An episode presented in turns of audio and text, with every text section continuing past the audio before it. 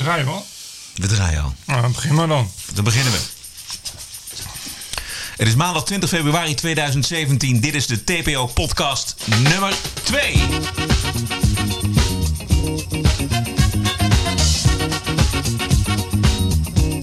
Hier naast mij hoofdredacteur Bert Brus en ik ben Roderick Velo. Wij spreken, bespreken elke week het nieuws en wat zich nog meer allemaal aan ons opdringt. Bert, zometeen de excuses van het NOS-journaal over het verslag van het begin van de PVV-campagne in Spijkenisse. We bespreken Mark Rutte als tweede lijsttrekker in de peilingen. Verder de oorlog van Donald Trump met de pers. Uh, dit is een vuile oorlog van beide zijden. Dat horen we zo meteen. En we luisteren mee met uh, de concurrentie even. De NPO-podcast van de website joop.nl. Maar eerst de van de luisteraars uh, op de vorige TPO-podcast. hoe staat het met de luistercijfers, Bert? Ze iets is minder, maar ik heb niet helemaal, ik kan het niet, ik heb niet helemaal gekeken. Maar volgens mij is die ook weer rond de duizend. Dat is best wel goed, want ik zag dat echt bekende namen zoals Alexander Klupping. En je hebt nog wat van die mensen die al 150 jaar meegaat in, in de, de weblog zien. Die podcast ook al, al een hele leven. En die hebben ook uh, 1500 luisteraars of zo. Dus okay. wij, doen, wij zijn gewoon eigenlijk nu al de top in Nederland. Jack uh, Brunsting uit Hogeveen, die uh, schreef... vier minuten vond ik genoeg. Ja. Toen, toen dacht ik, welke vier minuten? Ja. Maar goed, hij, hij, was niet heel erg enthousiast. Uh, Reina Voogd van Kranen uit Brussum, uit Bussum, sorry, die heeft ook heel snel afgehaakt. En wel hierom, bijvoorbeeld de NRC heeft wel degelijk bericht over het uitzettingsbeleid van Obama. nou, nou, Reina Voogd van Kranen uit Bussum, met je dubbele achternaam. Dan moet je lekker met je babyboomharses NRC gaan lezen en lekker ritselen met je papier. Sodomiet erop. Doei! Karin Krutse uit Amsterdam, hoera, weer twee minuten korter. Hou eens op, Karin is, uh, uh, komt die uit Veghel ook weer? Nee, die komt uit Amsterdam. Hoe korter, hoe beter. En verder uh, Gilles Buff uit Den Haag. En die, was, die luisterde uh, gisteravond en die, zei, die schreef... Wat, jullie, wat zijn jullie een sterk combi? Ik wilde eigenlijk gaan slapen, maar werd meegesleept en bleef luisteren. Terecht. Kijk, dat zijn, Helemaal dat zijn de goede reacties. En Robert Molijn uit Blarikum die zegt... een leugen. Bert, Bert Brussen verkondigt leugens. Ik drink niet elke dag koffie bij Blushing. Robert, ga terug naar, naar je slakkenverdelg uh, instituut met je plastic zonnebril elke dag op uh, Facebook. Robert Molijn, uh, dames en heren, die is ook wel eens verslaggever voor de Post Online. Die heeft voor ons geweest. Die heeft voor ons Sylvana Simons was destijds de hoofdredacteur van het van fantastische onderzoeksjournalistieke magazine Paravisie over paranormale spirituele zaken. Ja. Uh, dat werd gepresenteerd in, uh, ik geloof in Hilversum. En daar is Robert Molijn voor ons heen geweest. dus uh, kijk, oh, met die Robert kun je ook wat, hè? Ja, dus, die dus kan als je hem echt nodig hebt. reportages maken. Robert in het Gooi is onze vaste man in het Gooi. Oké, okay, goed. Laten we hem te vriend houden. Heftige kritiek op het NOS-journaal, onder meer uit de Volkskrant... over een reportage uit Spijkenisse... waar Geert Wilders door de straten liep... Uh, bij wijze van startschot uh, van de PVV-campagne. Nou, wat daar door die NOS-verslaggever Michiel Breedveld allemaal geroepen werd... dat kon echt niet. De vele fans proberen uit alle macht een glimp van Geert Wilders in Spijkenisse op te vangen. Ik kom voor Wilders, ja. En ik blijf komen voor hem. En ik blijf ook op hem stemmen. Ik wilde daar uh, vroeg voor opstaan en eens een keer uh, gaan kijken hoe dat allemaal zo gaat. Ik vind het heel erg triest dat hij uh, zoveel beveiliging nodig heeft. Een ongelofelijke mensenmassa is hierop afgekomen. Pers ook, internationale pers. En dat allemaal voor de start van de campagne van Geert Wilders. Ongekend, want zelfs bij eerdere bezoeken hier aan Spijkenisse was het niet zo druk als nu. Hoe erg is dit, Bert? Ongekend, dit is echt ongekend dat de, de, de gesubsidieerde NOS nou zomaar ongekend reclame gaat zitten maken voor Geert Wilders non-nu, wat toch een niet illegale partij is waar mensen zomaar democratisch mogen stemmen. We moeten toch niet echt willen met z'n allen dat dat op zo'n ongekende manier gaat dat er misschien wel Wilders in de kaart wordt gespeeld. Dus ik mag hopen, en dan hoop ik toch dat, uh, dat Philip Remarque daar eindelijk eens zijn best voor doen, dat hij wat van die millennial social justice warriors inzet die voor hem uh, de recensies gaan schrijven in, uh, in afwisselende in afwisselende samenstelling. Zodat elke keer als Geert Wilders of iets van de PVV op de radio of televisie is... die uh, social justice warriors met hun millennial harses uh, kunnen gaan schrijven... hoe erg het is dat daar aandacht aan wordt besteed. Erg, hè? Was de vorige keer ook al zo erg dat Geert Wilders zomaar bij WNL zat, bij Rick Nieman... en nu uh, zomaar dat er ongekend wordt gezegd door de NOS. Nou, dat vind ik dan onge echt ongekend kwalijk, dit. Dit is echt... Zo begon het in de jaren 30 ook. Weet je dat? Weet je dat? Zo begon het in de jaren 30 ook dat de ZDF Roentvonk begonnen met ja, ongekend dit en ongekend dat. Nou, we weten hoe het af is gelopen met die jaren. Ik hoor de trein alweer rijden hier zo, Roderick. Bert, het was vooral het woord ongekend. Leg even uit wat, wat het probleem was. Er stonden nog meer verslaggevers dan dat er Wilders-fans stonden. Zo eerlijk ben ik ook wel weer op die foto's die zag. Ja. Waar mensenmassa, maar die mensenmassa bestond voor twee derde uit verslaggevers, maar wel uit heel de wereld. Want ik Ja. heb al die filmpjes gezien. Het was echt van Al Jazeera tot AFP tot, eh, tot AP. Dus dat was in ieder geval ongekend. Wat ik raar vind is dat de NOS daar dus vervolgens excuses voor aanbiedt. Ja. Op een blogje weliswaar, dus who cares. Maar, maar, maar het heeft ook wederom weer te maken dus met hoe, dat, hoe die social justice... Die, die, die moraalterreur op social media dus werkt. Want volgens mij heeft ook die, die Volkskrant Pipo dat niet, niet als eerste geschreven. Er was al ophef. Ja, er zit, zit zo'n heel extreem links blok. En iedereen die, die wil dus niet in één adem noemen met Satan of Hitler is al fout. En, en daar wordt dan een flux over getwitterd, 24 uur lang. Nou ja, voor mensen als een NOS is dat dan kennelijk... eh, maar moet je je voorstellen dat, eh, dat, eh, dat de hele wereld pest naar, naar Lodewijk Asscher komt. Of voor mij naar Emil Roemer. Of, of Jesse Klaver, hè, dat zou, dan, niet eens heel gek zijn. Eh, dat dan de NOS zegt, nou is ongekend. Wat denk je dat er dan gebeurt? Niks. Helemaal niks. Maar omdat het Wilders is, is iedereen ineens in rep en roer. En ik vind het eigenlijk het meest kwalijk dat de NOS dat dan weer gaat terugnemen. Ja. Je- badjes. De, de, Wilders staat eh, één in de peilingen. Die zal ongetwijfeld de meeste stemmen halen van alle politieke partijen. Waarschijnlijk op 15 maart. En als je dan begint in de straten van Spijkenisse. En er komen er, weet ik wel, 100 of 200 of 300 of 1000 mensen. Wat maakt dat ene woordje dan ongekend uit? Who cares? Ja, who cares?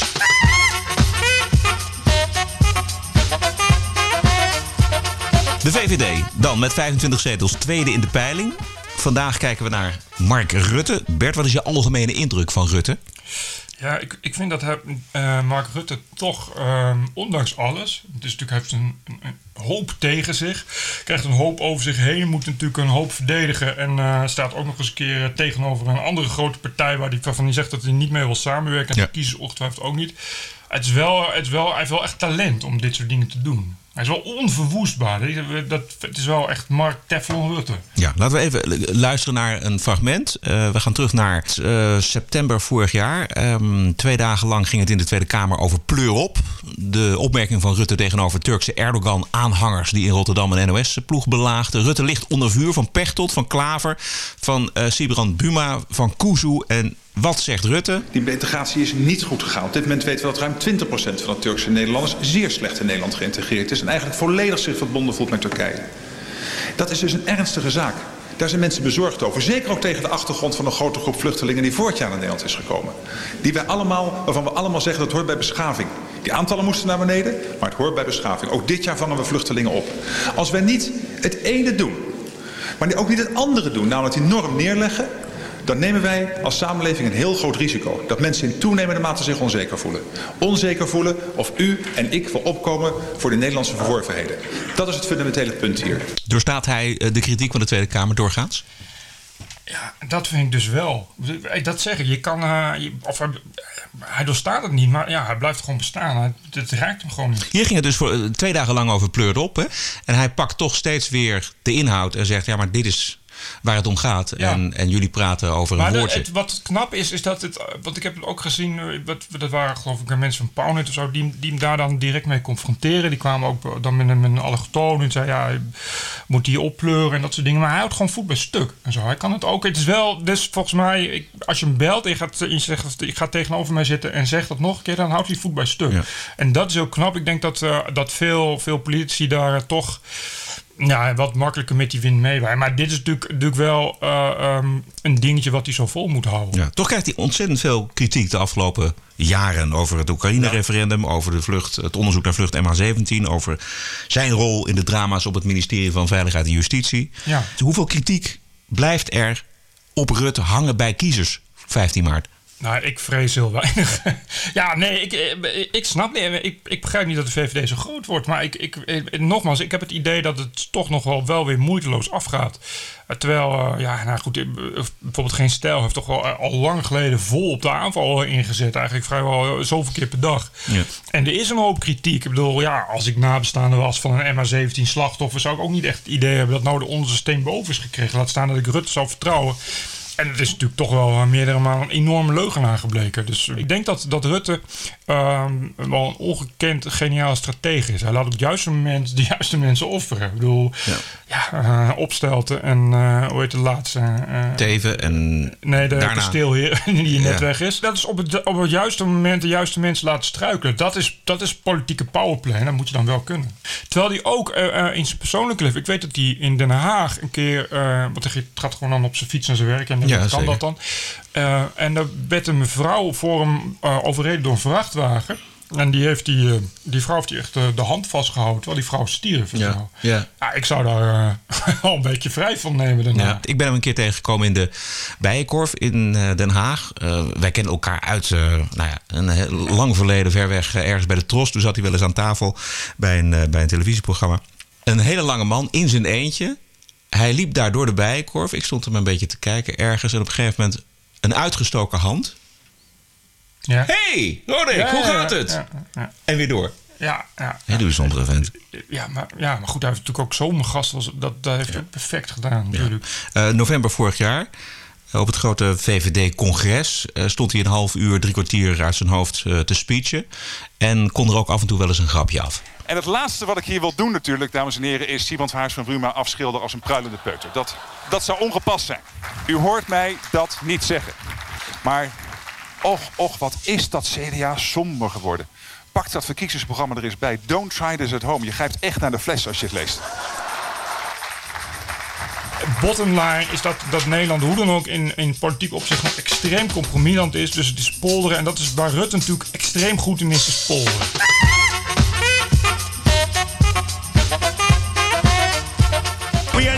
Going to let the fake news tell us what to do, how to live, or what to believe.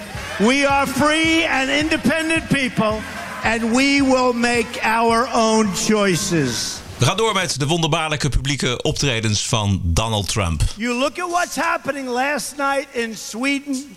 Sweden. Who would believe this? Sweden. It's all fake news. Ja, in Florida had hij het afgelopen weekend over iets dat plaats had gevonden in Zweden. Nou, maar niemand begreep eh, wat, waar hij het precies over had. Donderdag eh, noemde hij het lekken van vertrouwelijke informatie over zijn ontslagen veiligheidsman Michael Flynn echt, maar de vertrouwelijke informatie fake. Dus het lekken klopte, maar eh, de informatie die gelekt was, was fake. En dus stelde CNN-verslaggever de volgende vraag. You said that the leaks are real, but the news is fake. I guess I don't understand. Uh, it seems that there's a disconnect there. If the information coming from those leaks is real, then how can the stories be no, fake? the reporting is fake. And if I look, may ask, look, I just want to ask Jim, you know what it is? Here, here's the thing.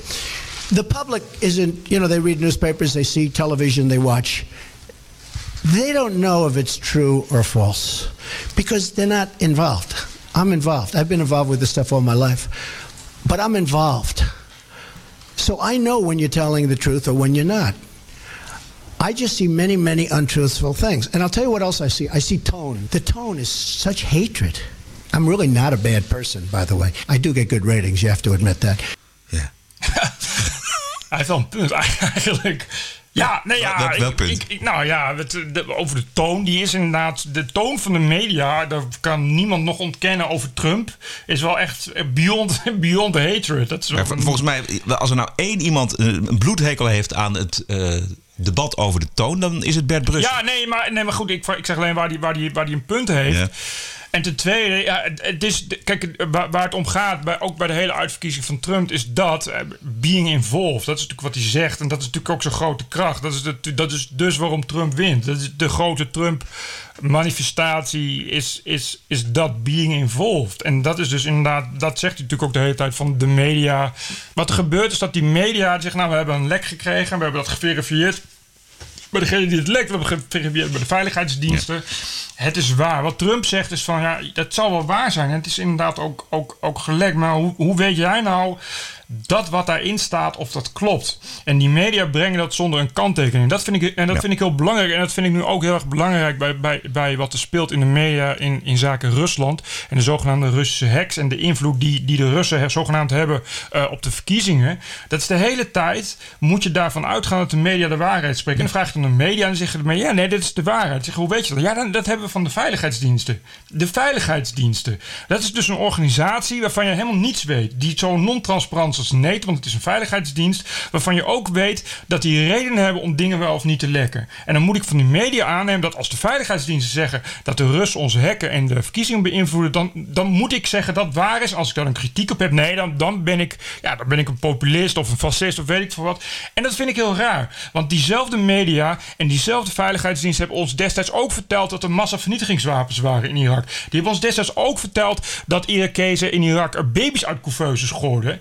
Eh, Ga zo maar door. Die hebben ook verteld eh, dat we Afghanistan moesten platbombarderen omdat Al-Qaeda een enorm complex in de bergen had met alle moderne toestanden. Ik noem het allemaal maar op. Tora Bora. Dat gaat ex- precies. Dat gaat op de exact dezelfde manier kwam het ook via de exact dezelfde veiligheids en exact dezelfde zogenaamde eh, eh, eh, media en nieuwsorganisaties die zo, die zo tegen fake nieuws zijn. En daar heeft hij een punt. En dat, dat vind ik dus nu ook bij de Russen. Want als je als je goed kijkt, zie je ook dat ze zeggen: ja, eh, de Russen hebben eh, een belangrijke invloed gehad op de uitverkiezing van Trump. En ze zeggen: hoezo dan? Ja, die hebben getwitterd met trollen. En nou, er waren heel veel trollen ook eh, op Facebook en social media. Nou, de. Wat denk je dat daar de afgelopen 15 jaar is gebeurd bij welke verkiezing dan ook? Er waren heel veel trollen inderdaad op Facebook en social media. Nou, laat het nou toevallig zo zijn dat je een heel groot land hebt met heel veel mensen die allemaal heel erg van social media houden. Want zo zijn Russen die dan inderdaad, dat zijn wat extra, extra trollen en zo. Maar je gaat dan toch niet zeggen ja, want die hebben daar aan meegewerkt. En dat is wat Trump nu ook zegt. Je, je brengt het allemaal zo stellig en je brengt dat als medium, als CNN,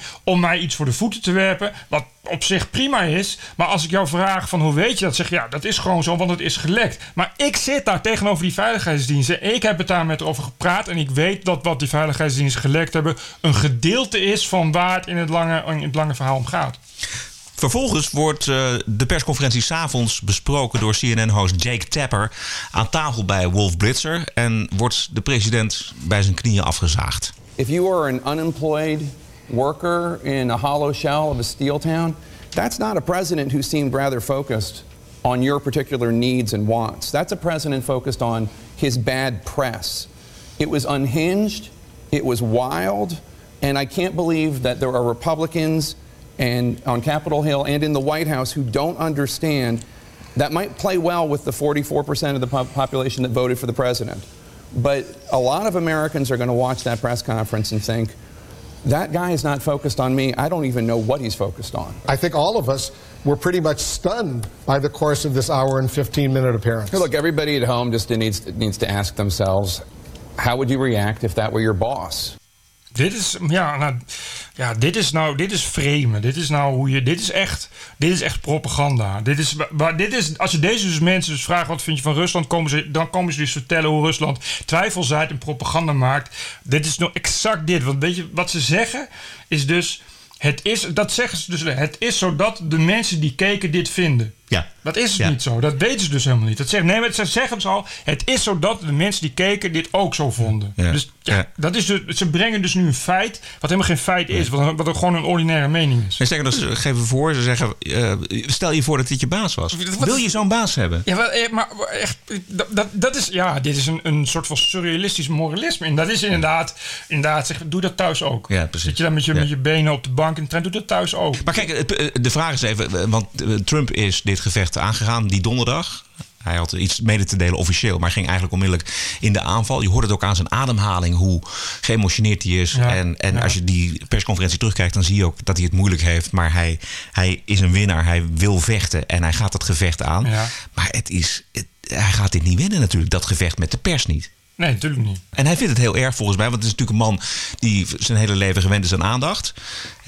Dat is ook zijn, zijn Twitter-gedrag, eh, merk je dat. Dus hij, vindt het, hij kijkt ook al die programma's en hij ziet dat alles voorbij komt. En hij Ja. ziet dat hij, dat, hij, dat hij er slecht voor staat in de media. Volgens mij grijpt hem dat enorm aan. Ja, maar ik denk ook dat je moet niet uitvlakken. Want Bannon heeft daar natuurlijk een strategie in. Die, bedoel, Ja. Breitbart heeft natuurlijk daar exact hetzelfde gedaan. Van ga daar gewoon met een gestrekt been tegen in. Want uiteindelijk win je die mensen voor. Ik bedoel, eh, Breitbart heeft toch ook, ook gelukt om, om voorbij die, die, die toch al zo conservatieve pers als Fox News en dergelijke te komen. Door echt daarop te focussen. Door dit soort dingen te doen. Door te zeggen van ik ga die strijd aan en ik ga, ik ga je zo haten. Ik ga alleen maar door tot ik, tot ik je kop eraf heb gebeten. Jake Tapper bij CNN die zegt dus in dit, in dit vorige stukje dat uh, als jij een werkloze staalarbeider bent. Uh, dan zie je geen president die gefocust is op jouw problemen. Maar dan zie je een president die in gevecht is met de pers. Nou, dat laatste klopt natuurlijk. Maar wat er later gebeurde, haalde het nieuws niet. Namelijk dat Trump een wet ondertekende die 70.000 mijnwerkers aan het werk houdt. Die anders hun baan waren kwijtgeraakt. It's an honor to have everybody with us, and in particular the miners. Uh, we appreciate everything you've done, fellas. Thank you very much. Would anybody like to say a few words? How about one of the miners saying a few words? I hear these guys all the time. President Trump, we thank you very much for everything you've done for us. Everything that you're doing for our industry is, is very much needed. Uh, I've been mining in this industry for 40 years, and uh, this is a very exciting time for our industry. Thank you very much. Thank you very much. Tell them where you're from, Mike. Uh, I'm from Morgantown, West Virginia, but uh, I, I work at the Marion County Coal Company. How did I do in that area? Oh, you did great. Het is aan de ene kant uh, het wanhopige gevecht met de pers, aan de andere kant uh, blije meewerkers. Nou, ik vind, en dit is precies waar, waar, waar, waar, Trump dat grote punt bij de media. Dit is dus precies waar die media voorbij gaan. Dit is ook dus waarom Trump gewonnen heeft. Dit zijn dus mensen die zeggen van ik ga Trump stemmen, want ik wil mijn baan terug. En dat hebben ze daarvoor gedaan met Obama. En weet je wel, toen kreeg ze hun baan niet terug. Die zegt, ik ben nu zat. Het maakt me niet uit wie dat is. Ik wil degene die mij belooft dat ik mijn baan terugkrijg. En bam, een maand later hebben ze hun baan terug. Weet je, want hoeveel gaat het? 70.000? 70.000 ja, mijnwerkers. Dat is geen kleine groep. Nee. Dit is in Nederland meer dan een zetel. Exact. Weet je, en dat is wel iets ja, daar hoor je Blitzer en, uh, en nee. Ko niet over. Want die gaan echt geen mijnwerkers interview. Die kijken daarna vanuit hun eigen bril. Weet je, vanuit je eigen cosmopolitische, hoogopgeleide uh, uh, grachtengordel. Je kijkt naar wat. En dan ga je zeggen, ja, als je baas dit deed. Ja, ik ja. weet zeker dat, dat een gedeelte van die dat mijnwerkers zeggen, nou, guess what, dit is mijn baas en ik ben daar heel blij mee. Tot slot nog een Trump-supporter die de moed erin houdt. De zwarte advocate Brunel Kai uit Illinois. The Democratic Party I voted for over 20 years of my life. I voted for Barack Obama when he said he was going to bring hope and change. And yes, we can. And no, we didn't. The jobs didn't come. The better schools didn't come. The investment in our communities did not come. National security, our borders are open. We're not safe. We're not safe. And we've got to stop thinking as black and white and purple and Arab. We've got to start thinking as Americans. And that's what Donald Trump is saying.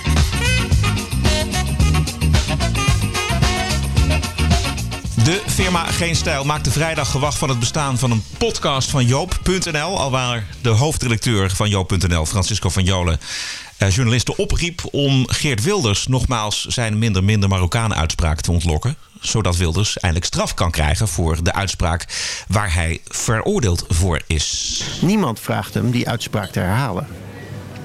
Vind je dat journalisten dat moeten doen? Zeggen van... Ik kan me dat nog herinneren van Jan Maat. Die werd veroordeeld vanwege uitspraken. En bij elk interview vroegen de interviewers... waarvoor was u ook alweer precies veroordeeld? Kunt u dat nog even, kunt u dat nog even herhalen? Dan zei hij, nee, dat doe ik niet, want dan ben ik de pineut. Is dit Wilders naaien of is dit Wilders aan zijn woord houden? Kijk uit voor die mooie microfoon. hemel, moet ik echt hierop antwoorden? Ik, ik heb echt het idee...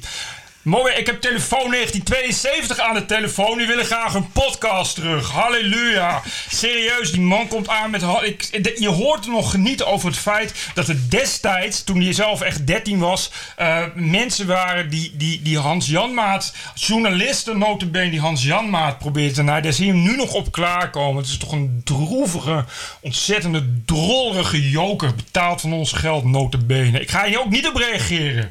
Zo de me lekker op je varen podcast. Ik had nog nooit van deze podcast gehoord. Nee, ik ook niet, maar volgens dus mij is het nieuw. Ja, ja, precies. Ik dacht ook even dat hij ons hij heet ook, Hij heet ook, zo zit, het, zo zit het hoe het echt zit of zo. Ja, de, echt, en, oh, Hier hoor je hoe het echt zit. Ja, en dan, nou, jij en ik denken, oh, dat is ironisch bedoeld. Oh, ik kan je verzekeren, Francisco van Jolen iets ironisch bedoelen is absoluut een no-go. Echt waar. Nee, maar niet alle afleveringen zijn met uh, Francisco van Jolen. Want je hebt ook hele leuke afleveringen ertussen met uh, Peter K. en met David van der Wilde.